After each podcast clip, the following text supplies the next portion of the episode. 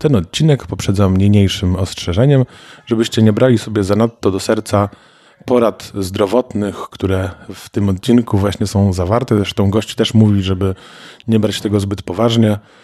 Jeżeli macie problemy, o których będzie mowa, raczej bym sugerował skonsultowanie się z ekspertem, z profesjonalistą, z lekarzem, a nie z podcastem z internetu. Pozdrawiam.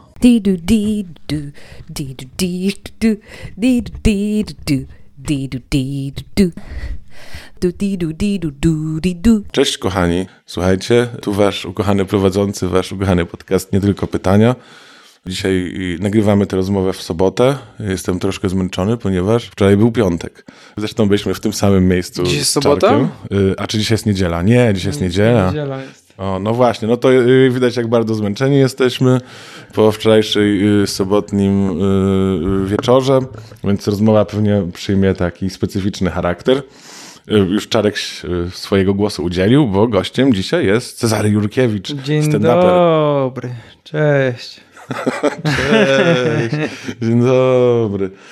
Słuchaj, mówiliśmy przed chwilą, że byłeś na szachach. Co to były za szachy? Tak, są, e, to, to dobrze też, bo podpromuję tę imprezę. To są szachy na polu mokotowskim. Jest tak, że jest seria stołów rozłożonych i można podejść i zagrać z jakąś losową osobą w szachy.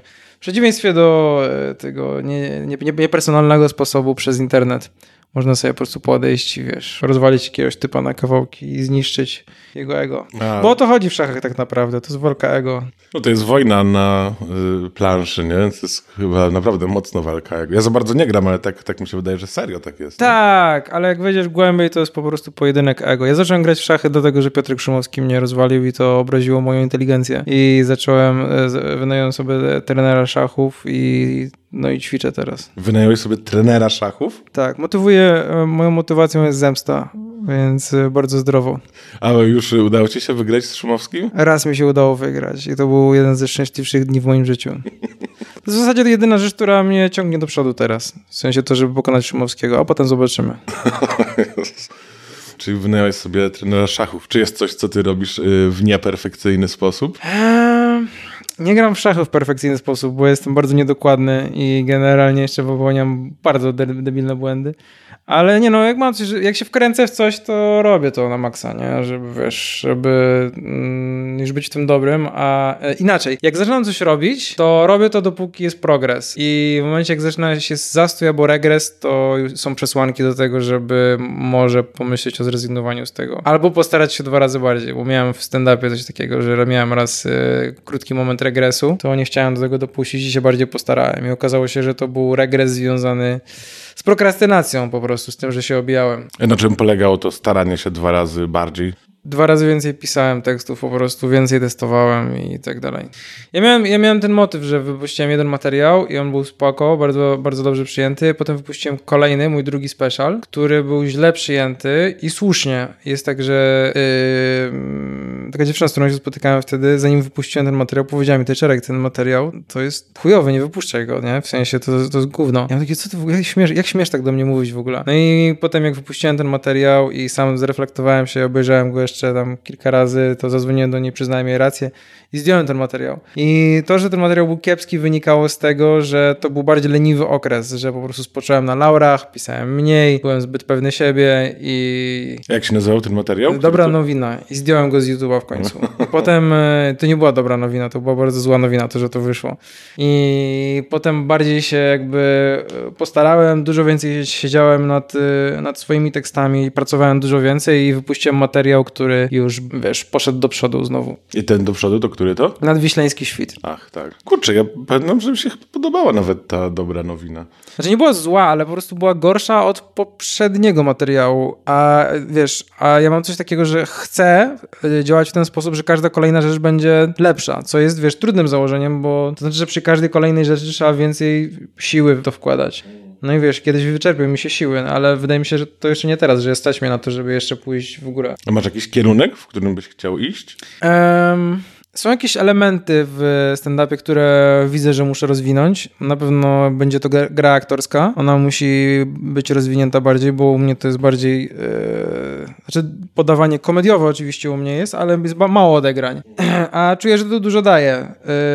Yy, nie ma nic złego w samej, wiesz, grze aktorskiej i to jest jakiś element, który by mocno rozwinął jakość komediową tego, co robię. Um, I chciałbym docelowo od strony merytorycznej, żeby był materiał całkowicie pozbawiony takich elementów, jak inni robią. To znaczy, że nadal mi się zdarza mówić o coś tam o używkach. Oczywiście to jest spowodowane nie tym, że to działa, wiesz, mówię o tym, bo to działa, tylko mówię o tym, bo to jest dosyć istotna część mojego życia.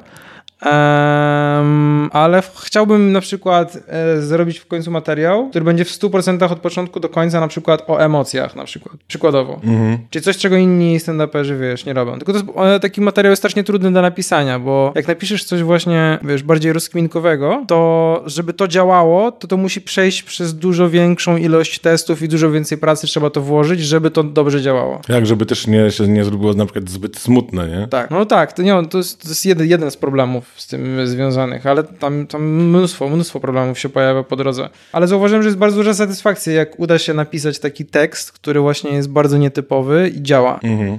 To prawda.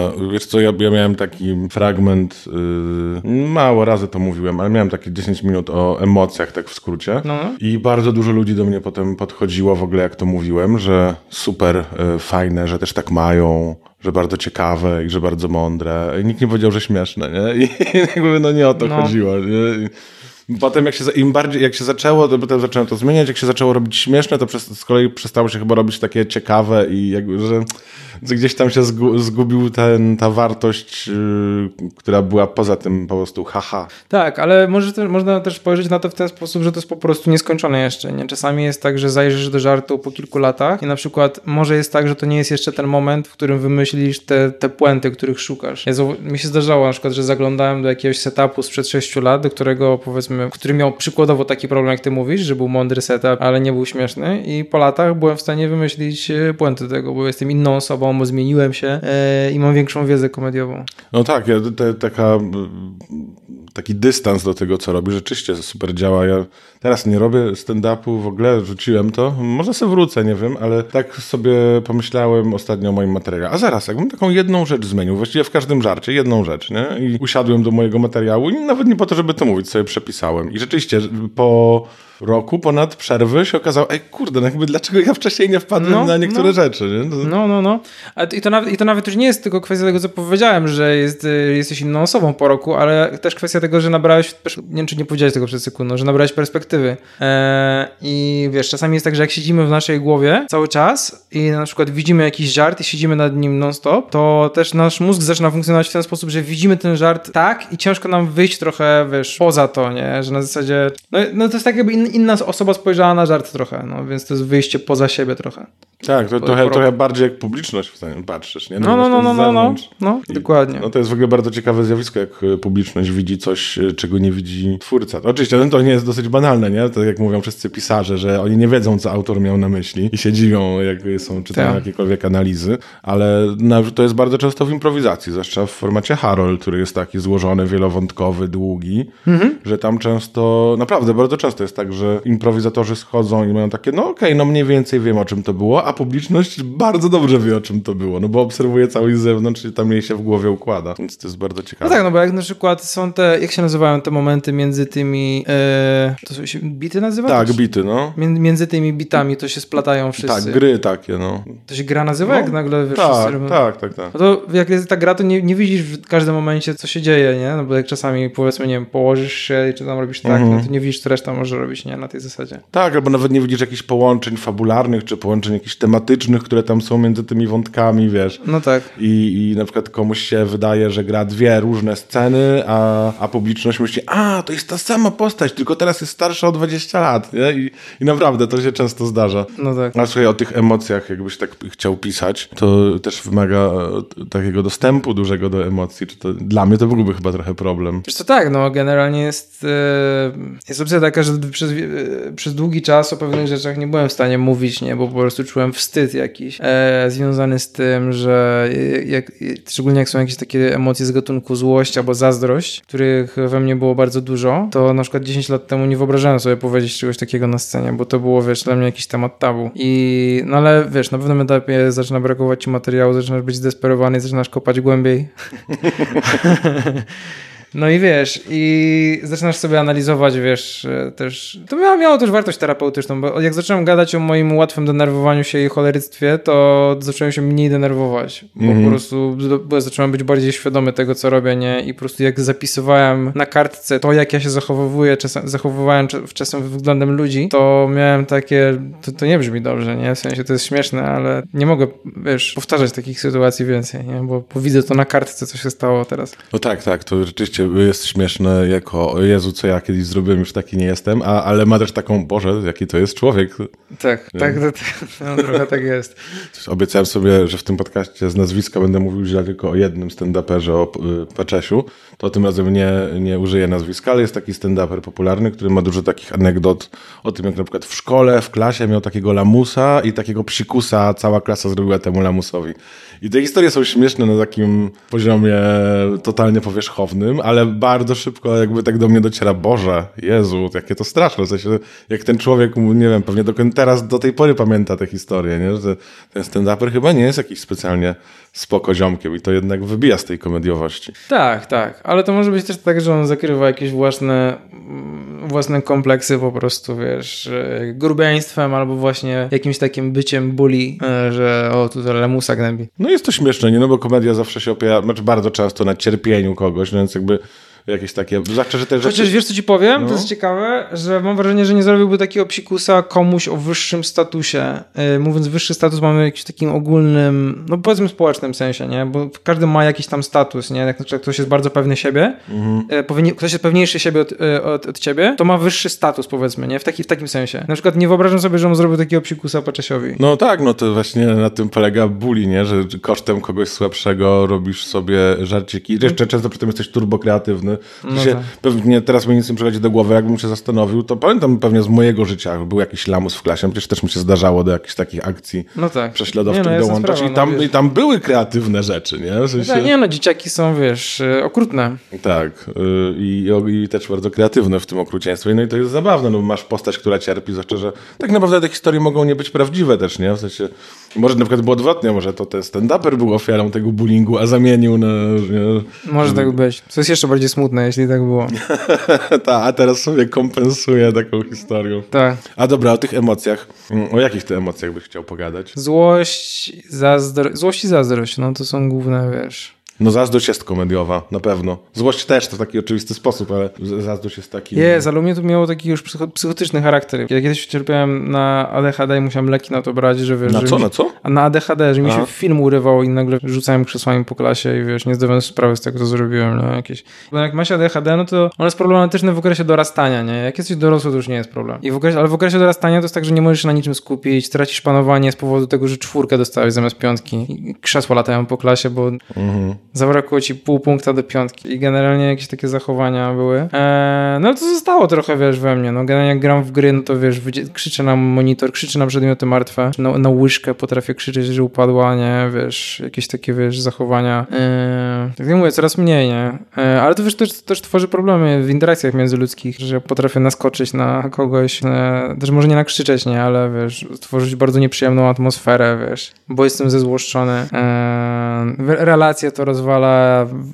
dosyć istotnie, że no nawet, nawet to nie jest tak, że jak krzyczę wiesz, na kogoś, nie, ale wystarczy, że ktoś siedzi ze mną w pokoju, nie, i jak ja wydzieram się na monitor, to to nie tworzy fajnej atmosfery. Tym bardziej, że to nie jest komediowy krzyk, nie, to jest taki, że bardziej, czy ten koleś zaraz rozwali telewizor, nie, na tej zasadzie. Mm. No. no tak, rzeczywiście to wprowadza taki, może, może wprowadzać taki lęk. No. A masz no. taki zazdrość wobec stand taką zazdrość wobec stand-uperów jakichś y, innych, że o kurde, ten to tam ludzie się śmieją, a nie powinni, ze mnie, z moich żartów się powinni bardziej śmiać. Mm, Czy, czy odczuwam złość przy tym? Y, Nie, czy, czy, czy zazdrościsz innym komikom? A, czy, za, czy zazdroszczę innym komikom? Tak, oczywiście. Znaczy przez jakiś czas bardziej, teraz mniej. No, tym, teraz nauczyłem się akceptować tego, że po prostu... Eee, Jest na tej zasadzie, że zaakceptowałem to, że komedia jest złożoną rzeczą i to, co my nazywamy stand-up ogólnie, to tam są bardzo różni ludzie i niektórzy robią coś zupełnie innego niż ja. Na zasadzie jakiś, wiesz, Socha czy Paczesz, oni robią in, inne rzeczy po prostu. I wiem, wiem, że to się jedno i drugie nazywa stand-up, ale nie mogę być zazdrosny o to, bo nie robimy tego samego. No, oni robią jakieś show i mm, ja robię coś innego. Ty, ty mówisz żarty po prostu. Tak. Nie, no też podaję je tam w jakiś sposób, nie? Ale tam nie ma żartów, no wiesz o co chodzi. Nie? Tam jest Tak. e, charyzma połączona z śmiesznym mówieniem.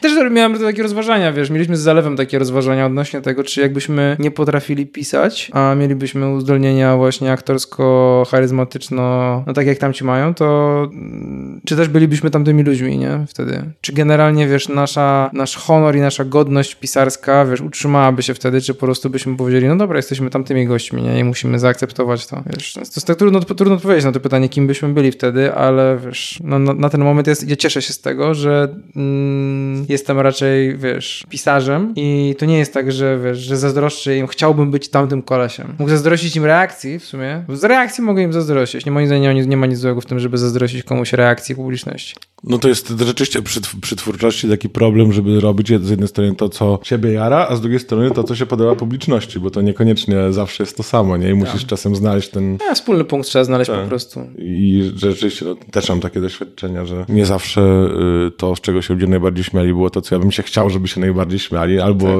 coś, co ja uważałem za super śmieszne. Ludzie uważali za nie takie super śmieszne, Tak. nie? I musisz się dostosować, ale właśnie pytanie, gdzie jest ta granica, nie? Żeby już się podobać ludziom, a jeszcze nie stracić własnej godności. No i każdy ma swoją, nie? Każdy. E, mi się wydaje, że nie trzeba poświęcać e, godności. Prawda jest taka, że jeśli od, jest jakiś temat, nie, który jest bardzo oporny komediowo, nie, na przykład, nie wiem, hodowla motyli, czy cokolwiek, nie, coś, czego komediowo trudno coś wykrzesać, to jak będziesz odpowiednio długo pisał, to napiszesz nawet 15 minut takiego materiału. Tylko może nie zajmie to miesiąc, może nie zajmie to pół roku, może zajmie to 5 lat, ale wydaje mi się, że tak, mm, no z jakiegoś takiego matematycznego punktu widzenia, no jak będziesz analizował wszystkie możliwości żartów i napiszesz każdy możliwy żart, to z 10 godzin żartów będzie 10 minut, no. Tak, to jest smutna rola To komika. jest, to jest smutne. Z 10 godzin masz 10 minut, nie? Tak. No właśnie, ale to jest nasza jedyna praca, nie? Żeby siedzieć i analizować wszystkie, wiesz, możliwości, nie? I ja wiesz, ja coraz częściej się łapię na tym, że mm, ja, ja przez wiele lat naprawdę bardzo dużo prokrastynowałem i byłem w stanie więcej stworzyć niż e, stworzyłem. I ostatnio e, pracuję więcej. mm, Przestałem jarać, znaczy przestałem. No, Nie, nie to, że przestałem jarać zioło, ale generalnie palę go dużo mniej, bo zauważyłem, że to zabijało moją motywację e, w to sposób istotny. I no nie wiem, ale to też, też jest chyba związane z tym, że mam 35 lat, nie? I generalnie, wiesz, i bardzo od, odczuwam upływ czasu. E, w sumie zawsze go odczuwałem, ale wiesz, schizuje mnie to, że na zasadzie, ej, czas mi się kurczę, muszę się do roboty wziąć, bo przebalowałem dużo. No ty, ja ostatnio tak y, sobie zdałem sprawę, a propos właśnie tego, co mówisz, o tego rozkminiania wszystkich możliwości żartów i, i spojrzenia od każdej strony, że tak naprawdę w komedii e, chyba nie zawsze najbardziej to, co mnie kręci, to jest y, śmieszność, tylko często mnie bardziej kręcą rozkminki. Ja bardzo, na przykład bardzo lubię Seinfelda, co nie jest takie bardzo popularne w Polsce i ja się szczerze mówiąc niespecjalnie śmieję na Seinfeldzie. On mnie nie za bardzo bawi, ale bardzo lubię, jak on bierze te proste tematy i na każdą stronę często ma naprawdę super pomysł, Boże, jak on na to wpadł. Albo Ja bardzo cenię sobie Seinfelda. Ja też nie mam tak, żebym super bekował z tego, co on mówi, ale sposób, w jaki rozpisane są te żarty, są, to jest, są bardzo dobrze napisane żarty e, od strony redakcyjnej, że są mega odtłuszczone, e, właśnie są przeanalizowane z każdego punktu widzenia praktycznie. Tak, to jest niesamowite. Ja mam książkę y, z żartami Seinfelda, on wydał niedawno. No i to jest po prostu, y, podejrzewam, że jak ktoś, kto umie czytać nuty, czyta sobie Bacha, to ma podobne wrażenie. Właśnie, że jest wszystko perfekcyjnie, nic Tak. zbędnego. Y, y, Może nie zawsze to jest takie rzeczywiście mega śmieszne, ale no, bardzo ciekawe. I ja właśnie y, też bardzo, o Jezu, teraz to dziwnie zabrzmi, chciał powiedzieć, że, że ty mnie nie śmieszysz, akurat twój stand-up nie śmieszy, ale bardzo cenię właśnie w tym, co ty robisz, to, że tam są jakieś ciekawe myśli, że tam nie ma y, tylko właśnie cyrkowego back, back, back jest śmiesznie, nie? No to jakby ja się zaśmieję, czy często śmieję na rzeczach, których wcale aż tak bardzo nie cenię. Na twoim się śmieję. To bardzo rzadko zdarza mi się śmiać y, oglądając coś na YouTubie. Jak oglądałem twoje, to powiem, że się śmiałem. Ale właśnie lubię to, że ty tam rozkminął. Pamiętam jak miałeś to o kiwi, nie wiem czy ty to mówisz czy nie. Nie będę spoilował w takim razie, ale tam no, fajna taka, fajna rozkminka. Tak, tak, ja to tak. cenię bardzo. No, jakbym miał tak naprawdę, jakbym miał robić yy, to takie dziecięce, robić ranking ulubionych stand-uperów, ja myślę, że tak byłbyś w top 3 w Polsce. Fajnie. A, dzięki. I właśnie za to, że tam jest właśnie jakiś warsztat. U ciebie widać ten warsztat. Ty też masz bardzo odtłuszczone te Tak. rzeczy, nie? Ty Masz bardzo sprawnie językowo i ja po prostu mam taką ogromną przyjemność z tego. Ja nie wiem o co chodzi, ja mam przyjemność jak słucham tego rodzaju komedii. Ej, bardzo miło mi to słyszeć. Eee, no, no, nie no, ja też cenię sobie bardzo, jak jest właśnie odtłuszczony materiał I, i, i z tego co ja wiem, Seinfeld na przykład, eee, on doprowadzał do sytuacji, w której nawet szukał synonimów jakichś, że synonimów? Tak, synonimów jakiegoś słowa, które mają mniejszą ilość sylab, że on nawet od tej strony, wiesz, szukał możliwości odtłuszczania. To jest, to jest jeden z elementów, który rozważałem ostatnio wprowadzić, nie, bo generalnie skoro i tak dążę do perfekcji, żeby się doskonalić i zrobiłem sobie w głowie jakąś listę rzeczy, które da się poprawić, to to jest jedna z rzeczy, którą ewentualnie wprowadzę, że zacznę już po prostu mm, tak hardkorowo ścinać nawet sylaby, byleby szybciej dojść do tej puenty, żeby materiał był, gę- był gęstszy. No to jest też fajna taka duża przyjemność w ścinaniu rzeczy. Z jednej strony smutne, bo trzeba się po, pożegnać z rzeczami, No tak. a z drugiej strony jak to zrobisz, to jest taka fajna satysfakcja. A, jeszcze to się udało wyciąć. No, tak, nie, zdecydowanie. E, jedna z rzeczy, nad którą pracowałem podświadomie i nie wiem, czy da się ją jeszcze bardziej dopracować i to jest aspekt, na który nie zwracałem uwagi wcześniej, że praca nad własną samooceną i to już jest jakiś psychoterapeutyczny aspekt, ale zauważyłem, jak gigantyczne znaczenie ma to, bo mm, ja nie jestem tak pewną siebie osobą, jak byłem, e, znaczy inaczej, jestem dużo bardziej pewną siebie osobą niż byłem 5 lat temu. I to robi ogromne znaczenie, jak wychodzi, jak wiesz, jak się wychodzi. Kiedyś e, Michał Sufin powiedział, że jak się wychodzi na scenę, powinno się mieć 150% pewności siebie. Ja miałem takie, co on kurwa będzie mówił, jak, jak, jak się to robi, nie?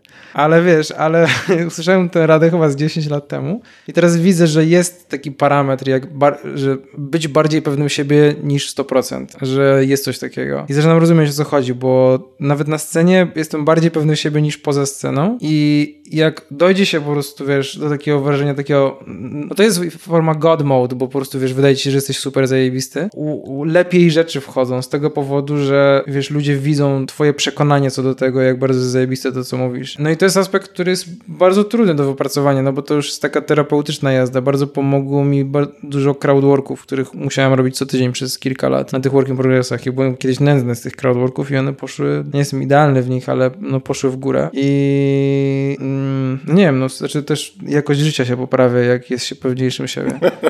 No To właśnie. jest w ogóle jedna z tych rzeczy, na którą trzeba zwrócić uwagę, że z jednej strony pewność siebie jest zła, bo wiesz, masz opcję taką, że to ma- masz wyostrzone swoje ego, nie? I to może e, unieważliwiać na innych ludzi i można być dupkiem albo psychopatą, ale z drugiej strony właśnie od strony takiej karierowej, no to bardzo to pomaga. No zdecydowanie, to widać bardzo yy, w amerykańskim stand-upie, pojawiają się jakieś specjale na Netflixie i tam się ludzie śmieją. Wiadomo, że też dlaczego, że się śmieją z innych powodów niż to, że to jest śmieszne, ale po prostu, że czasem to po prostu osoba tą swoją pewnością siebie i tym też takim, nie wiem, to jest w wielkiej sali powoduje, że ludzie uznają, no skoro on jest tak pewny siebie, skoro to Netflix filmuje, to musi być śmieszne. Tak. A często ja sam się, kurde, gdyby to było na, nie wiem, open micu w, na Ursynowie w Warszawie, to by zbombiło totalnie, nie? Ale przez tą pewność siebie to niektórzy... Super, bardzo podoba mi się koncept, żeby jakiś właśnie Chopal wystąpił na Ursynowie. Tak, o Jezu, no Chappelle No, to wiesz, to, to, to by nie byłby zrozumiany, ale na przykład chciałbym zobaczyć e, Ellen DeGeneres e, z tym jej strasznie nieśmiesznym specjalem. Tam Ellen by sobie na Open Micu nie poradziła w Polsce, ale, No. ale a może Chappelle był złym przykładem, bo Chappelle by sobie wszędzie poradził. Chappelle kiedyś, był jakiś taki typ, nie pamiętam jak on się nazywa i Chappelle uznał tego typu za swojego guru. To był koleś, który był grajkiem, był stand-uperem ulicznym. Na Washington Square Parku jest fontanna, która czasami była sucha i on wchodził do tej fontanny i ludzie siadali naokoło i on robił uliczny stand-up i treściowo to było proste, nawet prostackie wręcz, oparte na stereotypach, ale energia i pewność siebie tego kolesia była taka, że on kupował park i on, wiesz, rozwalał system w plenerze przed randomowymi ludźmi, co jest absolutnie najtrudniejszą rzeczą, jaką możesz sobie wyobrazić, wiesz, w tej dziedzinie. No i generalnie Jeff Ross i Dave Chappelle przychodzili tam i byli fanami tego typa, nie? I on był ich mentorem tak naprawdę. No i któregoś dnia on, wiesz, zaproponował, żeby oni też wystąpili w tej fontannie, no i Chappelle sobie poradził, a Jeff Ross zbombił. No i w każdym razie, wiesz, dowód, fakt, że Chappelle poradził sobie w takiej sytuacji świadczy o tym, że no on jest w stanie sobie wszędzie, wiesz, poradzić, nie?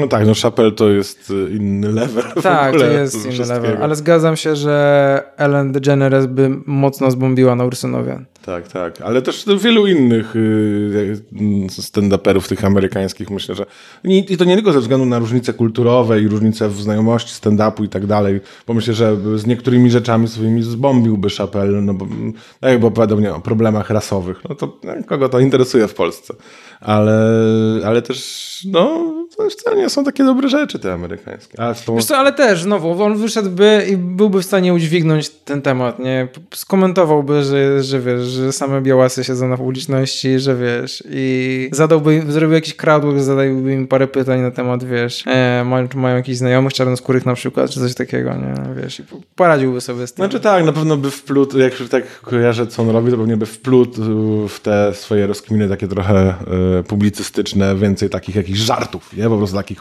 punchline'ów prostych, żeby tam rozruszać ludzi.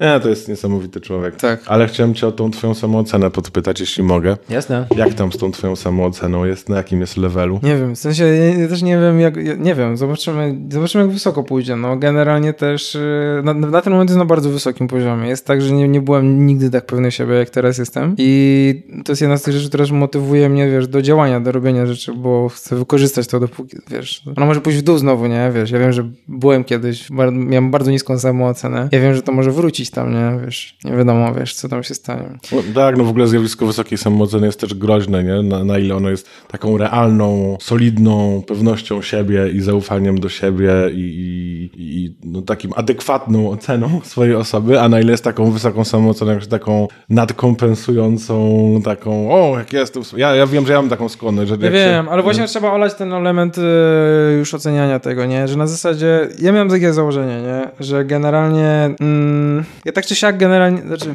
znaczy dobra, ty nie, masz, masz rację. Ja zmierzam do tego, że jak już je, jestem bardzo, i w sytuacji, jak jesteś bardzo pewny swojego skilla, nie? Mhm. E, Inaczej zacznę. Jest to, co mówisz, że jak zrobisz się zbyt pewny siebie, to możesz nie podejść zbyt krytycznie do swojego skilla i możesz mówić kiepskie rzeczy. To się bardzo często dzieje w stand-upie, ale trzeba zaryzykować właśnie. Lepiej zbudować wysoką samoocenę kosztem tego, że będziesz mało krytyczny względem tego, co się robi, co robisz, bo niekoniecznie musi się tak stać, nie? Że będziesz wiesz, robił gorsze rzeczy. To się dzieje często, ale niekoniecznie musi się tak stać. Ale mm, no bo bez tej, bez tej wysokiej samooceny też trudno pójść dalej. No i co z tego, że wiesz, będę super krytyczny wobec tego materiału, nie? E, skoro nie będę mógł go podać e, z wystarczającą pewnością siebie, żeby kogoś zainteresować tym. Mm, ale w ogóle w życiu też, też przydaje się ten element e, samooceny. Na przykład, znaczy, jedna, jedna z rzeczy, którą sobie uświadomiłem, to jest związkowy aspekt, że jak roz... wiem, że dużo ludzi coś ma coś takiego, że po rozstaniu jest taki mo motyw, że ta samoocena idzie w dół i ludzie mają straszną presję na to, żeby wejść znowu w kolejny związek, bo nie czują się pewni siebie, będąc singlem. Ja sobie uświadomiłem to i miałem takie, że to jest bezsensowna rzecz, nie? że moje życie ma być podyktowane tym, że ja muszę mieć kogoś w swoim życiu, nie drugą osobę, żeby wiesz, funkcjonować, nie? I wiesz, jak analizowałem to sobie, no to to jest coś, na czym bardzo zbudowałem sobie, wiesz, pewność siebie, że, mm, że moim zdaniem, jak, jak człowiek nauczy się być pewnym siebie singlem, to wtedy samoocena idzie w górę. to jest recepta. No wszystko. Tak. Właśnie też mnie ciekawi, jak twoja samoocena, tak, na ile twoja samoocena sceniczna y, jest y, w tym samym momencie idzie w górę albo w dół z taką samooceną poza sceną, nie? Z takim, nie jakim jestem stand-uperem, a jakim jestem czarkiem, jak tam z tym to bywa. Tak. Tak, nie no, jest, jest powiązane to, wiesz, w jakiś sposób. Zauważyłem, że jedyne rzeczy, które mnie bolą gdzieś tam, które są w stanie potencjalnie obniżyć moją samoocenę, jak ktoś krytykuje moją komedię. I potrafię wyobrazić sobie jakieś abstrakcyjne sytuacje, nie, w których no coś zburzyłoby, w sensie zniszczyłoby mnie i zburzyłoby całą tę moją pracę nad tym, jakby jakiś któryś z moich idoli powiedział coś, że kiepską komedię robię albo coś takiego, jakby nagle jakiś BRCK, ktokolwiek nie wyszedł i powiedział, co ty za gówno robisz, nie, i to wtedy myślę, że nie poradziłbym sobie z czymś takim, ale tak to, tak to nie, no. W sensie nawet na bomby jestem, wiesz, odpor odporność na bomby to jest jedna z rzeczy, z rzeczy która też... No tak, oczywiście, no bombing y, jest naturalnym elementem życia, nie? Więc tak jak mówię wcześniej, nie? 10 godzin, z którego wychodzi 10 minut materiału dobrego, tak. nie? Więc y, tak, to jest to naturalne. A tak się zastanawiam, czy y, jak te wybuchy złości, może one się jakoś mają do naruszenia samooceny, nie? Coś mi naruszyło samoocenę, nie chcę, ja chcę się robię wściekły wtedy. To jest bardziej, nie, to jest bardziej kategoria, że to są resztki optymizmu, których jeszcze nie wypleniłem z swojej osobowości. Bo zauważyłem, że mój optymizm powodował to, że jestem e, zezłoszczonym gościem. To znaczy, że miałem oczekiwania co do rzeczywistości. Hej, będzie dobrze, pokonam tego bossa w tej grze. I to się nie działo. I generalnie moje oczekiwania nie spotykały się z tym, co się stało i to reagowałem złością. Coraz bardziej metodycznie wprowadzam pesymizm do mojego życia i jestem dużo szczęśliwszy, nie? Że na zasadzie posiadam do gry, czy do osiągnięcia czegokolwiek poza światem wirtualnym. Eee, zakładam najgorsze, nie udaje się, nie jestem wściekły i jestem dużo, dużo szczęśliwszy przez to. No właśnie, to mi się kojarzy z tym perfekcjonizmem, o którym mówiłeś wcześniej, nie? Ja, ja, też trochę o tym mówiłem, ty mówisz właśnie o tym, że będziesz te sylaby, skoro już tak idziesz w stronę perfekcji, tak. to będziesz te sylaby jeszcze skracał. Jak tam z tym perfekcjonizmem? Bo to często prowadzi z jednej strony do super rezultatów, nie? A z drugiej strony do super stresu.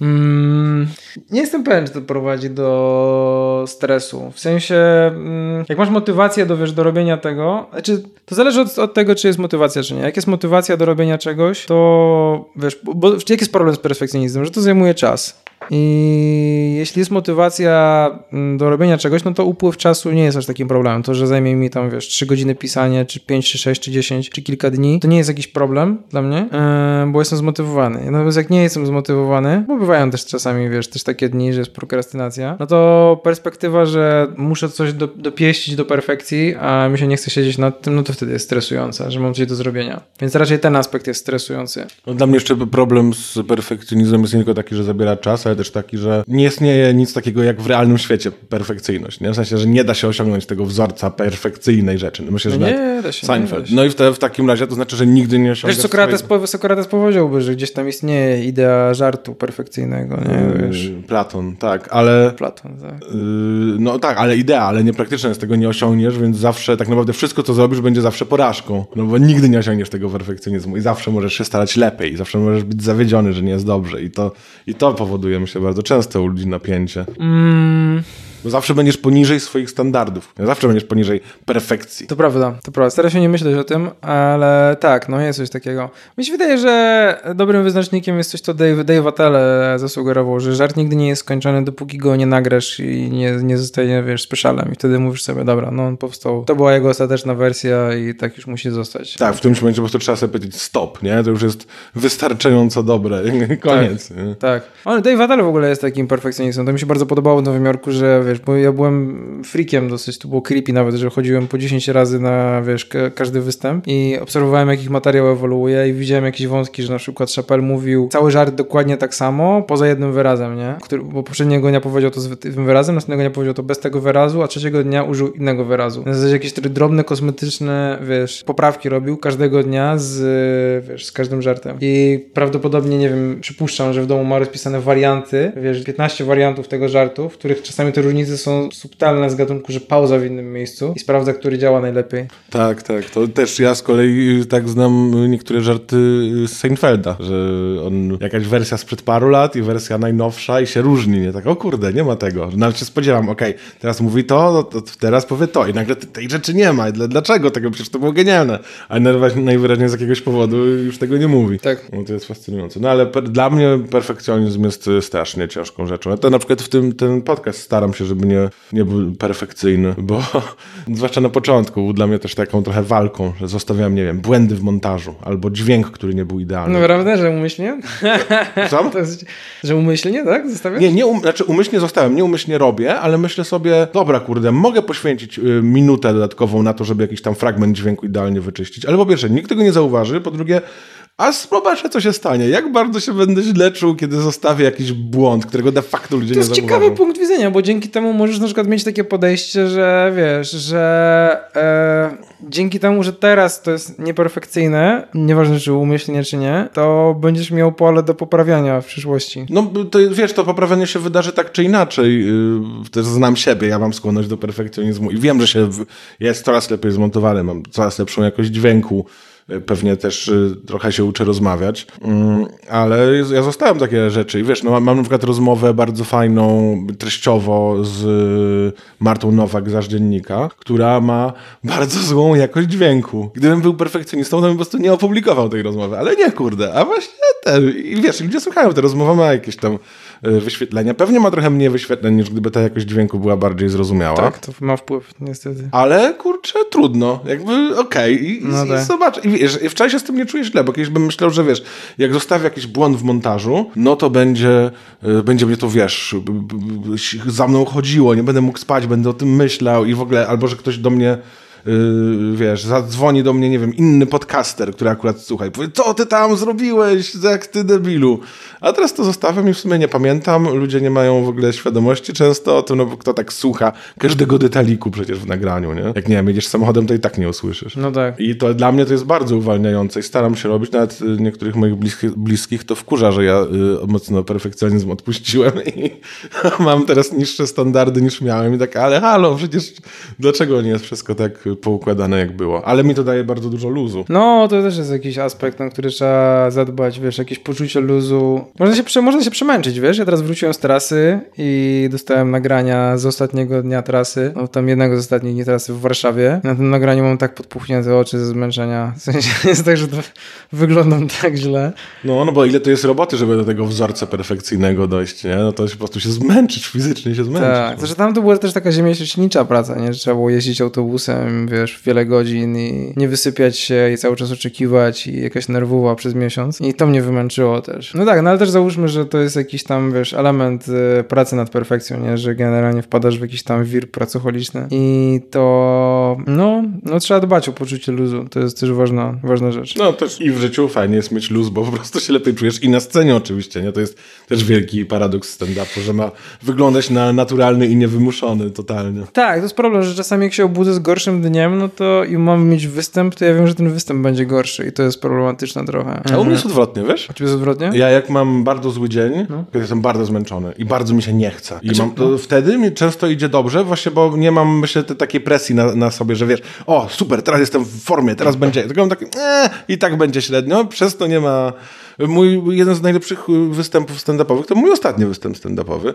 Wyglądał tak, że tak myślałem, czy by nie, przypadkiem nie zrezygnować o tym, z tego. I wyszedłem na scenę, coś tam powiedziałem, coś tam się ktoś się zaśmiał, potem jakiś żart zbombił i sobie tak pomyślałem na tej scenie, dobra kurde, to ostatni raz, olewam to, nie będę tego robił. I od tej pory wszedł mi taki luz, że ludzie się totalnie zaczęli śmiać z każdego kolejnego żartu, wiesz. I, i to był, i to ewidentnie była sprawa po prostu tego luzu, że już mi nie zależało, jeszcze nie tak, chciałem tak, nic udowodnić, tak. wiesz.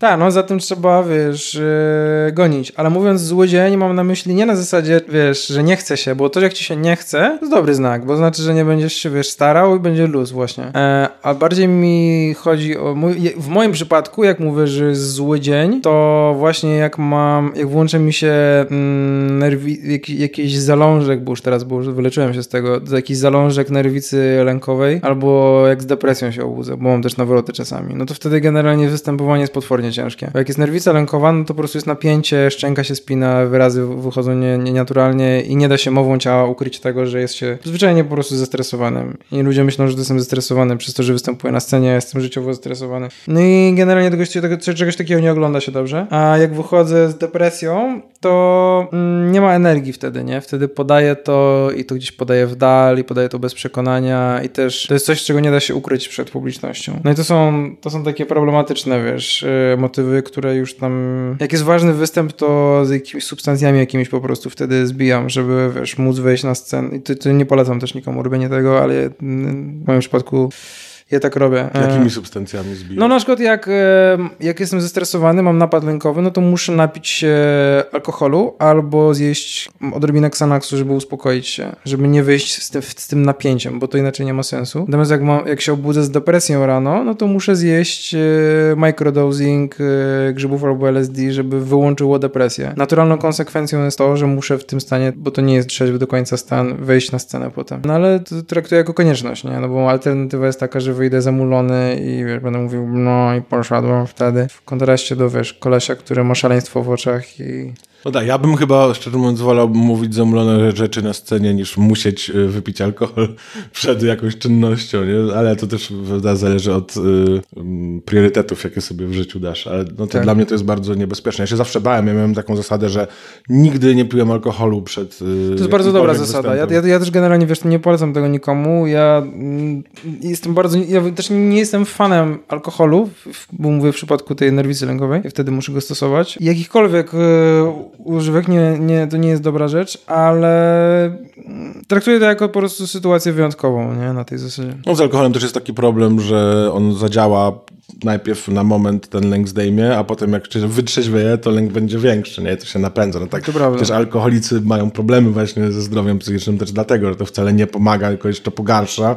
Jak się czujesz źle, to musisz wypić, ale już musisz wypić więcej, więc pijesz więcej, więc to jeszcze bardziej no pogarsza. No tak, i... tak. Nie, no to jest ta sprawa, nie? Że to, wiesz, uzależnić się można. E, ja nie miałem nigdy takich ciągot do alkoholu, żeby, wiesz, żeby pić go jakoś strasznie dużo, bo to nie jest moja ulubiona substancja. Ona jest daleko generalnie w, w, w rankingu moich ulubionych substancji, a ale dlatego czasami może lepiej wziąć odrobinę, wiesz, Xanaxu. I to też mówię o sytuacji, jak jest, y, jak ktoś ma nerwicę lękową i po prostu, wiesz, ja mam taki nawór nerwicy lękowej raz, y, dwa razy do roku. I czasami to się zdarza, że to się dzieje w dniu występu. Ja nie mam szans na dobry występ wtedy, nie? I mhm. wtedy muszę po prostu, wiesz, zbić to czymś, co po prostu uspokoi mnie. No tak, no mi pomaga na takie lękowe. Też mam taki duży problem z takim y, lękiem, takim uogólnionym na stałe po prostu, że się stresuje życiem, no, nie? No, albo nawet nie wiesz czym czasami, że jest tak, lęk z lęk nie wiesz czym za bardzo. Nie? No tak, no to jest dokładnie to. Ja po prostu ma, tak. czuję strach. Ja często czuję, często, bardzo często mam takie dni, że ja się boję dentysty.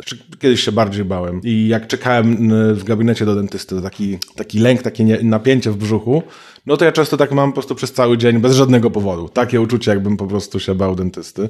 No mi pomagają wtedy jakieś często inne rzeczy niż używki. Xanax też jest trochę niebezpieczny, jest bardzo podobny zresztą do alkoholu. Też jest taki też, no, uzależniający i też się bardzo szybko to, tolerancja się robi. Nie? Bardzo to... uzależniający jest, no. Ja pamiętam, jak pierwszy raz wziąłem Xanax, to wziąłem jakieś pół tabletki, wow, ale było super, nie? A potem to musiałem brać mnóstwo tabletek i w końcu powiedziałem lekarzowi, proszę mi nie przepisać Xanaxu, bo to się źle skończy. Ale mówisz, że udało ci się z tej nerwicy wy, tak. jakoś wykaraskać. Jak ci się udało?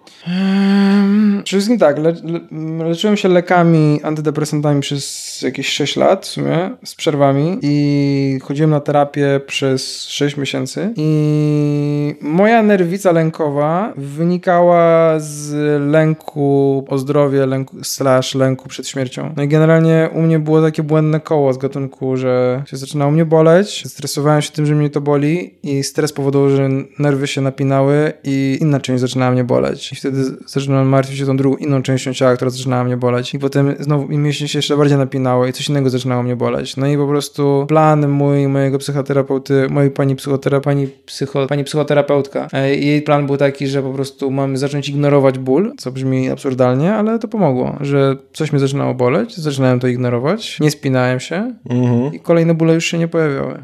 bardzo fajnie, bardzo lubię takie podejście w tak. psychologii, takie po prostu proste. Tak, to, to, się źle, że... to się źle skończy, wiesz, dostanę zawału kiedyś, nie, będzie, nie skończy będę czuł ból w klatce pierściowej, zignoruję go. To się nie skończy źle, to się dobrze skończy, spokojnie, spokojnie. Jak będziesz miał prawdziwy zawał, to nie będziesz miał żadnych wątpliwości.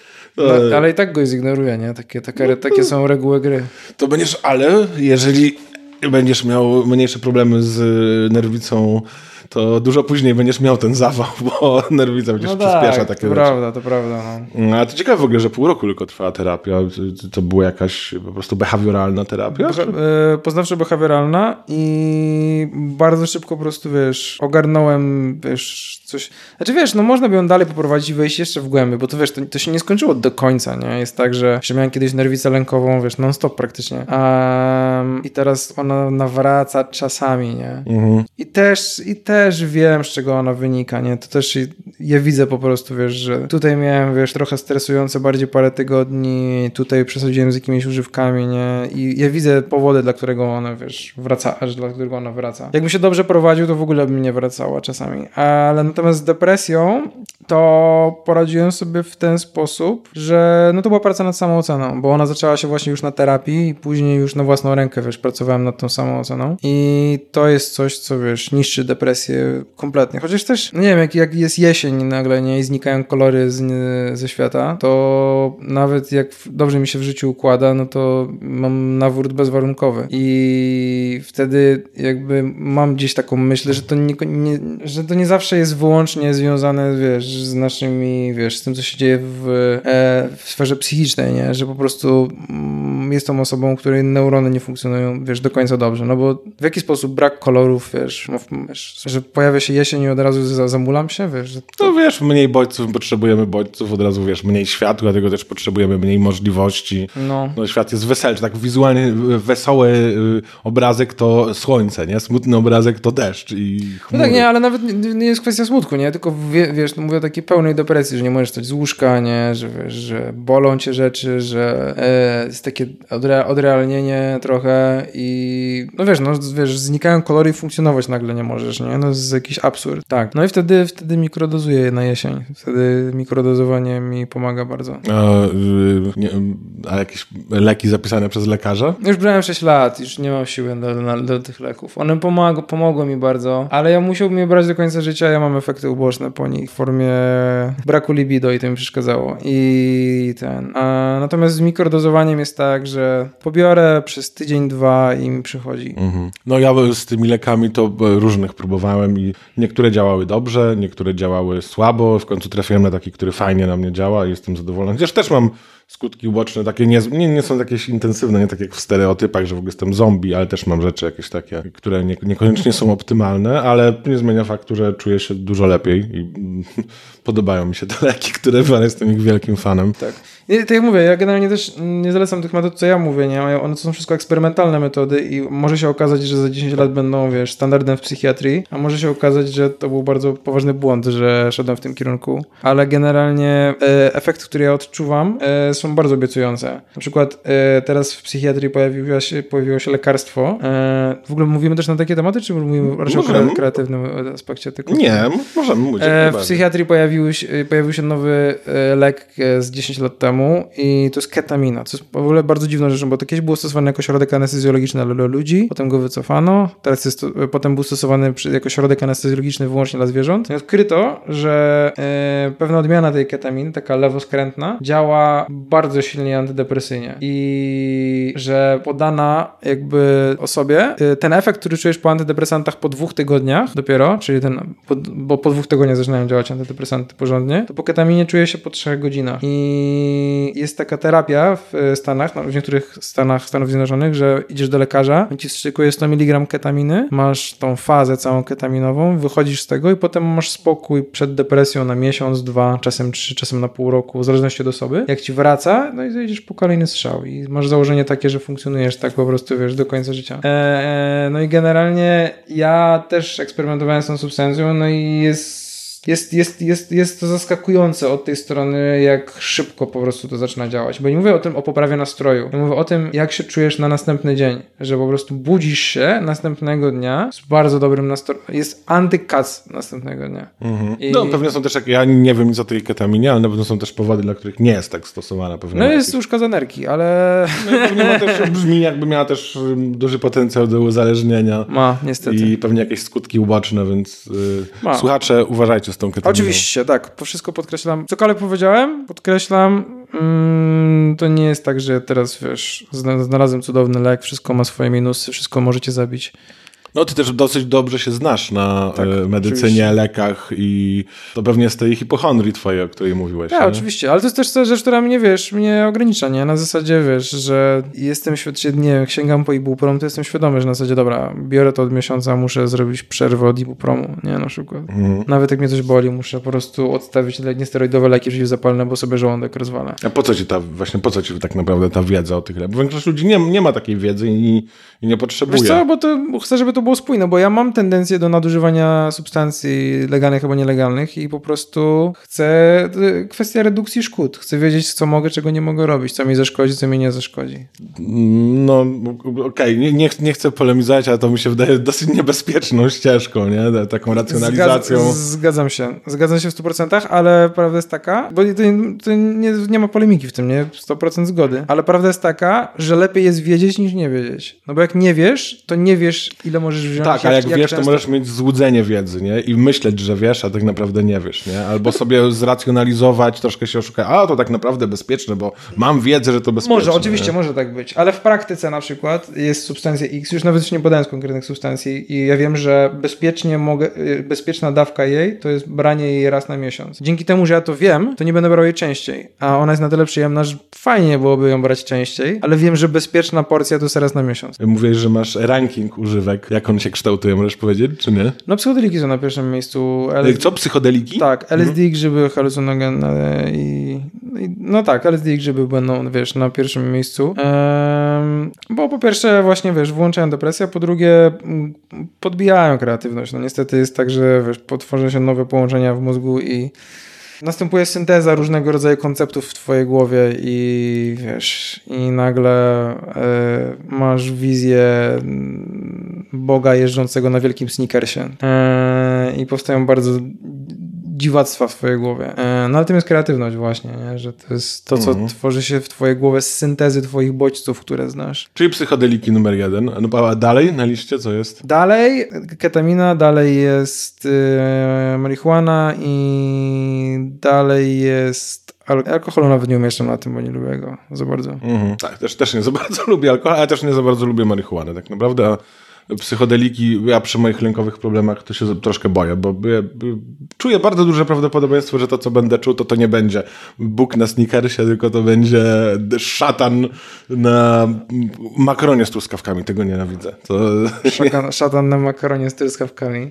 Szatan na makaronie z truskawkami nie jest dobrą, wiesz, rzeczą, to prawda. Eee, no, ale dobra, już zostawmy te tematy, wiesz, używek też, nie, bo generalnie już to odpłynęliśmy. A, a mogę jeszcze zadać jedno pytanie na ten temat? Jasne, oczywiście. Najwyżej nie odpowiesz i to wytniemy. Jasne, jasne, jasne. Jak y, jest, miesiąc ma 30 dni, no? tak sobie przyjmijmy. Y, y, no to ile z tych dni jesteś pod wpływem którejś z tych substancji? Eee, zależy od okresu, nie? Latem po, po, potrafią być miesiące, w których w ogóle nie sięgam po żadną z tych substancji, że wtedy jestem powiedzmy dwa dni, bo się tam, wiesz, zjaram ze znajomymi tam w któreś dni. Słońce i kolory są, nie? Ale jesienią, no to jestem pod wpływem połowy miesiąca, mhm. bo po prostu, wiesz, mm, no żeby funkcjonować, nie? Bo po prostu mnie dojeżdża nawrót. Okej, okay, dobra. No to, to, zależy, to zależy od pory roku. Od pory roku, od sytuacji życiowej i tak dalej, nie? Ja generalnie jest coś takiego, że mi Bartek Walos zarzucił, że to jest bez sensu, że ja chemicznie reguluję sobie nastrój, co zamierzam do końca życia chemicznie regulować sobie nastrój. Ja mam takie, że cały nasz mózg to jest jedna wielka chemia tak naprawdę, nie? Że to,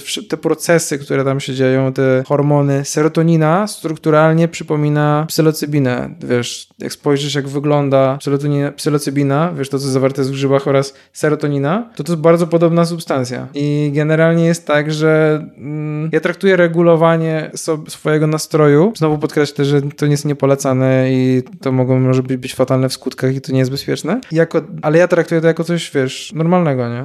Bardzo w ogóle ciekawe jest to, że mówisz, że innym byś tego nie polecał, a na ciebie to działa. Takie dwa standardy trochę, nie? No jest, no bo wiesz, ja nie chcę brać odpowiedzialności na to, że wiesz, ja polecę komuś coś, co jest, wiesz, niesprawdzone tak naprawdę, bo to nie ma, nie ma badań na ten temat. Ja mm, podejmuję ryzyko trochę, no jestem trochę królikiem doświadczalnym w tej dziedzinie. Okej, okay, dobra, to zejdźmy już może z tych używek. tak, tak, razie... nie, bo ja mógłbym cały czas o tym gadać, a wiesz, a jest dużo tematów. Tak, mnie to, mnie to też ciekawi, ale wiesz co, poprzednio tak sobie zakotwiczyłem w głowie y, ciekawą rzecz. Bardzo mnie to interesuje, bo też chciałbym tak umieć, bo mówisz, że te depresyjne problemy, że tam ta samoocena, no rzeczywiście tak niektórzy mówią, że po prostu tak w skrócie depresja to jest po prostu ekstremalnie niska samoocena i tak. i że to jest to, to jest bardziej złożone prawdopodobnie, ale jednak rzeczywiście to jest bardzo duży komponent. To zależy u, u kogo, bo wiesz, u każdego może wynikać z czegoś innego, nie? Bo jak ktoś ma jakieś wiesz, PTSD spowodowane jakimiś traumatycznymi, doświadczeniami, no to może to bardziej jest tym głównym problemem, nie? Ale odczuwa się zazwyczaj tak czy inaczej taką właśnie niską samoocenę, no, ale to już nie, w to nie wchodźmy. Ciekawi mnie właśnie, jak ty mówisz, że sobie sam poradziłeś z tą samooceną. Jak, jak to wyglądało? Co, co zrobiłeś? Um...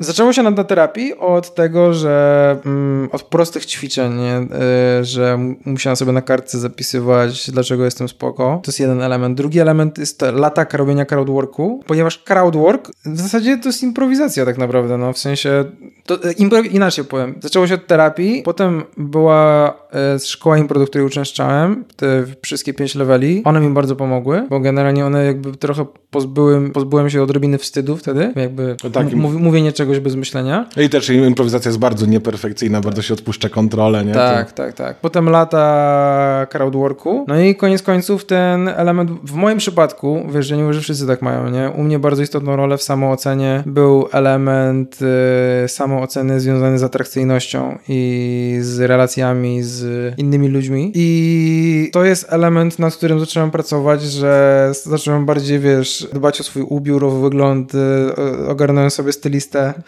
ja wiem, mhm. że to jest straszna rada, ale to są rzeczy, które bardzo wpłynęły na to. Zacząłem trenować tajski boks, który też, i to jest jakiś drobny element tej całej układanki, no ale prawda jest taka, że jak idziesz ulicą, się boisz, to to też wpływa na twoją samoocenę, nie? I generalnie wszystkie te elementy, jak złożysz do kupy, to się układa cała układanka, wiesz, którą jest twoja pewność, wiesz, pewność siebie. I jak zadbasz o każdy z tych elementów, no to po prostu jesteś pewniejszą siebie osobą. No nie no, masz rację, to tak śmiesznie brzmi, że stylista, przede wszystkim stylista jest zrozumiały przy kimś, kto u osoby, które występują To byłoby zabawne, jakbym powiedział, przede wszystkim dobry stylista. Ale wiesz, to u, u niektórych ludzi też by to mogło zadziałać, bo to faktycznie jak lepiej wyglądamy, to się lepiej czujemy. No to jest, tak jest. Też wiesz, sport no i to, że się właśnie czujesz pewniej ze swoim ciałem i pewniej, że w razie czego y, będziesz mógł oddać, jak ktoś cię napadnie i sam ruch i samo wyładowanie energii w tym tajskim boksie, myślę, tak. że jest bardzo bardzo dobre dla zdrowia psychicznego. Też tak, y, też mnie to właśnie ciekawi, na ile to podniesienie samooceny płynie, płynie z tych takich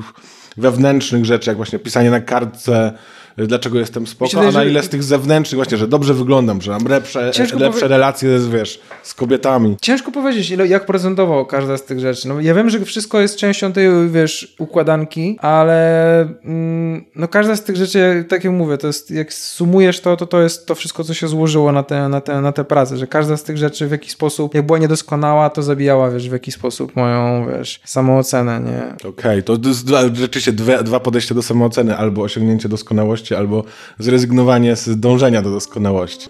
A proszę, zastanawiam się nad tym, albo osiągnięcie doskonałości, albo zrezygnowanie. No mówisz, że właśnie jak się stałeś dobry w jakichś rzeczach, to nabyłeś tą y, samoocenę. Tak. U mnie na przykład to bardziej zadziałało tak, że jak stwierdziłem, że nie muszę być dobry, to uznałem, okej, okay, no w sumie jest to wystarczająco okej. Okay. Wiesz, to nie zastanawiałem się nad tym, bo ja generalnie nie próbowałem twojej metody, ale może ona też jest spoko, nie? W sensie na tej zasadzie, że to byłoby ciekawe, jakby obie rzeczy były równie skuteczne. No i są. Zdaje się, że nawet ta rzecz, żeby po prostu odpuścić perfekcyjność z tego co wiem, są badania, że jest bardziej skuteczna, bo, bo często te, wiesz, bo możesz utracić coś.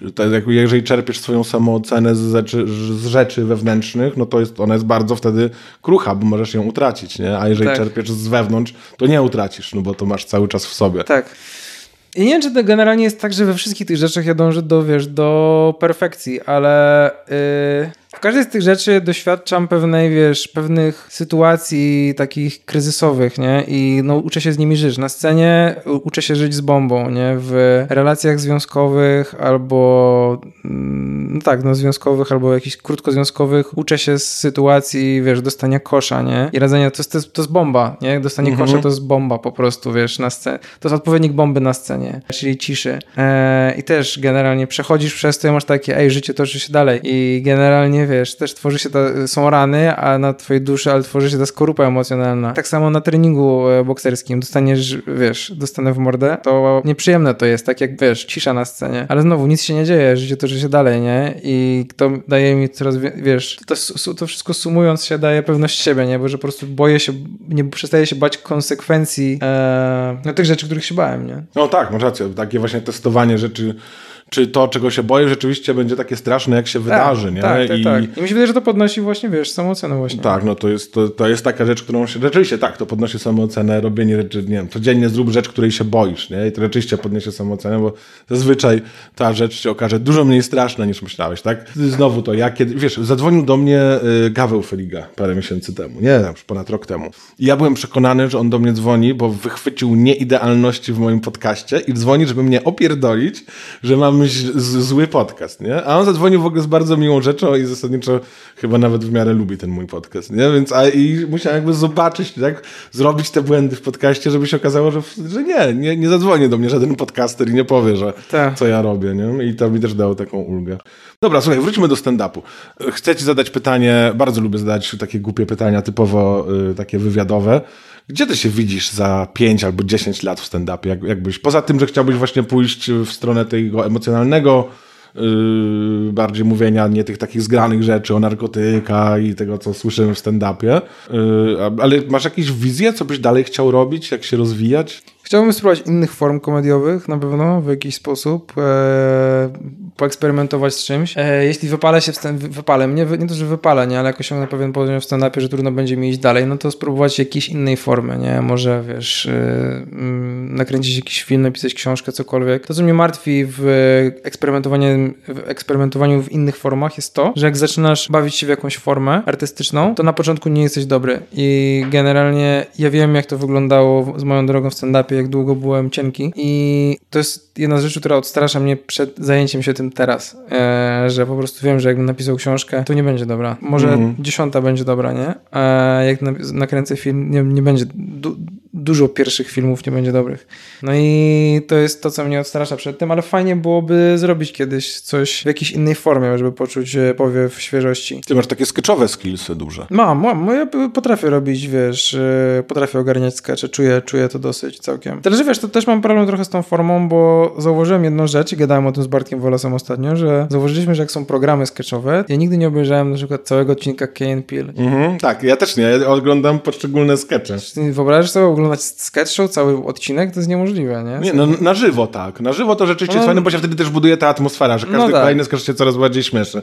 Ale faktycznie tak... Nagrane to nie, no to jest Nie. tak, że oglądasz pojedyncze skecze, które są fajne, nie? Na tej zasadzie. No, no ja potrafię, potrafię to robić. W sensie też próbowałem, wiesz, występować w skeczach, ale jestem drewnianym aktorem. Ale no wiem, jak to się robi, nie? Bo wiesz, mm, nauczyłem się trochę tam, wiesz, podstaw w Chicago, potem sam eksperymentowałem, nawet nie mało z tym, no bo jeden program robiłem, potem drugi nagrywaliśmy ten czar czarną dziurę, która nigdy nie została wyemitowana za Ballardem Gizą i jeszcze zrobiłem ten, robiliśmy razem ten spe- spektakl Kościotrup jest Tak, śliczny. i ten kościotrup, kościotrup śliczny oczywiście robiliśmy razem i Tak. tam to wyszło świetnie.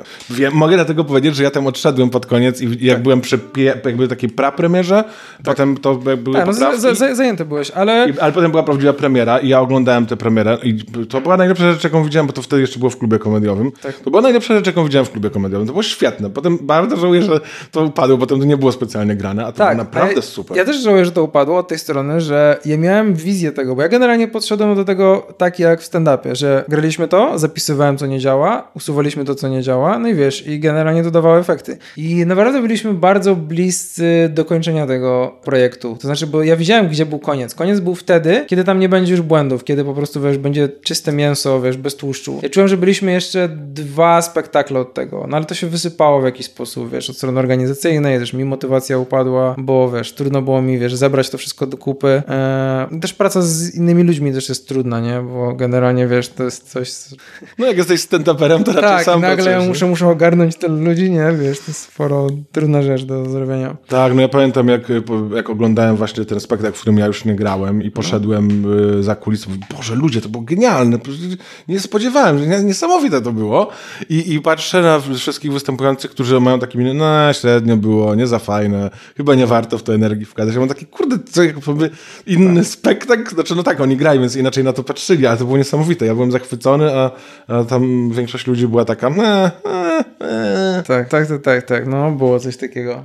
Więc e, tak jak mówię, no jakaś, jakaś inna forma, może bym e, kombinował z nią. Wiesz, zobaczymy też jak daleko zajdę, wiesz, z tym stand-upem artystycznie. Komer komercyjnie chcę dojść do etapu, w którym sprzedawałbym e, salę, no jakieś teatry powiedzmy. Nie, nie, nie chcę być stadionowym graczem, bo to jest moim zdaniem nieuczciwe wobec e, widza, bo to jest wyciąganie od nich pieniędzy za mm, no kiepskie show. No, tak, nie, tak, jestem, jestem takiego zdania, jestem w stanie powiedzieć coś takiego, no bo mm, oni wiedzą dobrze, ci co występują na stadionach, że to nie jest to samo. I branie 100 zł za występ, gdzie po prostu wiesz, siedzisz na trybunach i patrzysz, jak pierwsze trzy rzędy się bawią, jest po prostu nieuczciwe. Więc y, chciałbym powiedzmy występować na salach, tak. To jest dobre pytanie, gdzie się kończy klub, gdzie się zaczyna jest- zależy od układu, nie? Na przykład masz klub studio w Krakowie, to mieści tysiąc osób i to nadal jest vibe klubowy. Mhm, tak. Więc y, chcę, żeby to był, był klubowy vibe po prostu. Klubowo-teatralny. I w czymś takim chciałbym, wiesz, grać i występować i rozwijać, wiesz, swój występ stand-upowy. Chciałbym po angielsku robić stand-up od tej strony, że mam taką fantazję, żeby nie mieszkać w Polsce, ale ona jest trudna do zrealizowania, bo wybrałem zawód, który mnie bardzo wiąże z tym krajem, tym bardziej, że moja kariera się tu, wiesz, rozkręciła. Ale ćwiczę po angielsku, pr pracuję nad materiałem po angielsku. Mam, jest jedno miejsce, w którym wiem, że mogę pojechać zrobić karierę i to jest Malezja, bo kiedyś pojechałem tam, wystąpiłem na open micu, potem następnego dnia zaprosili mnie, żeby zasaportować jakiegoś typa, a następnego dnia powiedzieli, że mogę przyjść i zrobić pełny swój program. Po trzech dniach. I miałem takie, no nie jest łatwo, nie jest trudno tu zostać stand-uperem, ale to jest fajny kraj, bo wszyscy gadają po angielsku i wiesz, jest y, ciepło cały rok i coś, coś gdzie mógłbym mieszkać, więc mamy jakąś perspektywę, ale chciałbym tych perspektyw mieć więcej. Próbowaliśmy w, Now- w Nowym Jorku zrobić karierę z Campą, chodziliśmy po open micach, bombi, bombi, nie, nie, przepraszam, nie bombiliśmy, rozwaliliśmy system tam e, na tych open micach, tylko po prostu nic się nie działo potem, nie? I mieliśmy jakieś naiwne wyobrażenie, że tam są, nie wiem, łowcy talentów będą czy coś, a tam jest, wiesz, gigantyczny, gruby szklany sufit, który, wiesz, przez który nikt się nie może przebić, wiesz, i uświadomiłem to sobie, jak na metrze zobaczyłem kolesia grającego na saksofonie i laskę, która śpiewa i oni byli na takim poziomie, że oni powinni teatry w innych krajach zapełniać, a tam byli w metrze. I to właśnie uświadomiłem sobie, że to jest moje miejsce tam, nie, że mogę robić stand-up na ulicy tam co najwyżej, więc... e, Tak, albo poświęcić 15 lat na występowanie na open micach, aż ktoś cię wreszcie zauważy, nie? I dostać 5 minut w jakiejś telewizji po 20 latach, nie? I może. A, nie, to jest w ogóle, wiesz, masakra jakaś, strasznie trzeba się poświęcić temu. E, co jeszcze, z perspektyw stand-upowych, żeby z tych anglojęzycznych, no to mm, rozważałem opcję przeprowadzenia się do Berlina, żeby po, w Berlinie występować po angielsku, bo tam jest bardzo dobrze rozwinięta scena anglojęzyczna. Nawet poznałem komików nowojorskich, którzy zaczynali w Berlinie, więc to jest dobra droga, żeby zacząć. E, I to już byłaby spoko od tej strony, że nadal mógłbym w Polsce pracować, bo to wiesz, mieszkanie w Berlinie to jest jakby mieszkanie w Szczecinie, nie? To jest No tak. po prostu, wiesz, 6 godzin pociągiem. Mm, no i takie rozważania miałem odnośnie tego, wiesz. A masz jakieś rozważenia na temat w ogóle stand-upu? Bo coraz częściej słyszę jakieś takie głosy, że hmm, stand-uperzy mówią, no tak, ja bym chciał być stand-uperem jeszcze. O ile w ogóle ten stand-up jeszcze będzie istniał w Polsce? Masz tego typu jakieś obawy? Nie, no będzie, będzie istniał raczej. W sensie, mm, kurde, zobaczymy, no wiesz, w sensie, czy, czy, czy stanie się z nim coś takiego jak, z- jak, coś takiego jak z, z kabaretem? Ciężko powiedzieć, wiesz. Wiesz, moim zdaniem te kabarety zabiła też monopolizacja. To, że były te kabaretony w dwójce zwłaszcza, które realizowała cały czas ta sama kobieta. Nie pamiętam jej nazwiska i pewnie dobrze. Jak ten, co y, spalił Beata Harasi, bibliotekę. Beata Harasi mówi. No właśnie, no, nie powinienem pamiętać. Ten, co spalił bibliotekę w Aleksandrii, to chciał, żeby wszyscy go Trzeba jej mówić jej imię nazwisko, niech wszyscy wiedzą. I ona to po prostu zniszczyła, bo to była fajna forma i też po prostu przez tą telewizję wszystko, po prostu cały kabaret wpadł w lejek po prostu w to, zawęził się do tego, a w stand-upie nie ma czegoś takiego, że No tak, na YouTubie działamy, to jest coś innego, więc zobaczymy w jakim kierunku, wiesz, to pójdzie. Ja mam też trochę problem, że wiesz, jesteśmy, nie wiem, czy nie mówiłem już o tym na początku rozmowy, że robimy coś innego. tak, trochę. mówiłeś, Tak, no. tak. Ale wydaje mi się, wiesz co, ja mam, ja mam takie, gdybym miał taką szklaną kulę, mi się wydaje, że będzie sz- sz- szła jakość stand-upu wbrew pozorom w górę, bo ja to widzę, że na przykład fani Paczesia coraz mniej są jego fanami, że jakby coraz bardziej ludzie się orientują, że może są lepsze rzeczy i to przestaje śmieszyć Tak. i myślę, że myślę, że, że wbrew pozorom będzie tak, że ludzie będą chcieli tego lepszego stand-upu. Tak. Tak, nie, no w sensie no, jestem ciekawy właśnie, jak to wiesz. Ja mam wrażenie, że jest bardzo dużo ludzi, którzy potencjalnie, których potencjalnie mogłaby zainteresować, wiesz, nie, nie chcę używać słowa ambitna komedia, nie, ale komedia mm, nieludowa eee, i tylko oni nie wiedzą, że jest coś takiego, nie, i trochę patrzę się utrudnił wszystkim drogę, bo generalnie po, po, teraz ludzie, którzy nie znają stand-upu, wiesz, kojarzą Paczesia, włączyli to na chwilę i mieli takie, to jest polski stand-up, to ja nie chcę oglądać nic więcej. Jest mnóstwo takich ludzi. Tak, I tak, generalnie przekonanie ich na drugą stronę jest trudne, ale nie jest niemożliwe i e, to będzie zajmie bardzo dużo czasu, ale wiesz, ten fanbase się, wiesz, będzie powiększał.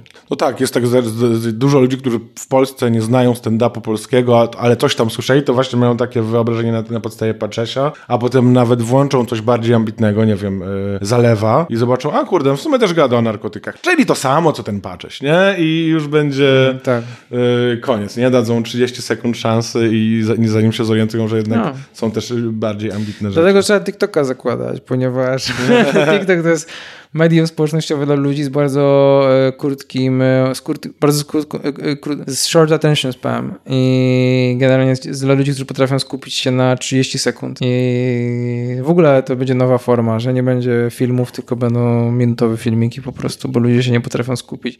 Że mam znajomych, że się idę z nimi do kina i oni po 5 minutach muszą w telefon spojrzeć. No, ale wiesz co, mi się wydaje, że też tak się obawiałem, że o nie, nasza ten, ten attention span nam się skurczy, tylko właśnie TikTok będzie. Ale z drugiej strony zobacz, podcasty są coraz bardziej popularne, nie? W sensie popularność mojego podcastu rośnie, a to jest mniej więcej około półtorej godziny za każdym razem. Więc ja myślę, że po prostu są miejsca i na takie formy, i na takie formy. Ja sam widzę, że, tak. że lubię sobie, czasem właśnie nie chciałbym całego show oglądać, bym się nie skupił, ale na przykład cały stand-up tak, więc no, no bardzo zależy, wiesz, od formy. Tak. Ale rzeczywiście... podcasty mają swoją niszę. Ja generalnie jest tak, że są ludzie, którzy jarają się podcastami i słuchają wszystkich. Tak, tak. I wiesz, bo to ma swoje plusy, nie? Od tej strony, że wiesz, że jak ktoś krząta się po domu, sprząta na przykład, no to słuchanie tych podcastów jest idealne. Mam znajomych, którzy wiesz, jeżdżą do pracy bardzo daleko, wiesz, tam do Niemiec na przykład i oni, wiesz, w samochodzie no, te podcasty ich ratują, nie? Że wiesz, są, są w stanie słuchać. Tak, w ogóle jest taka bardzo duża moc radia. Było tak, jak telewizja powstała, tak. to wszyscy ogłosili, że radio upadnie, no bo telewizja to jest to samo, tylko jeszcze z obrazem, więc nikt już nie będzie radia słuchał. No tak. I się okazało, że nie, że radio to jest jednak inna rzecz zupełnie, tak. że fajnie jest mieć właśnie w samochodzie, nie wiem, ja sobie lubię na rowerze posłuchać, tak. przy różnych innych czynnościach, właśnie przy sprzątaniu często ludzie słuchają i to jest jakiś zupełnie innego rodzaju doświadczenia. So ja myślę, że ten TikTok rzeczywiście jest przyszłością, ale nie jest jedyną przyszłością. Nie, no oczywiście, jest to sprawa, to wyolbrzymieniem.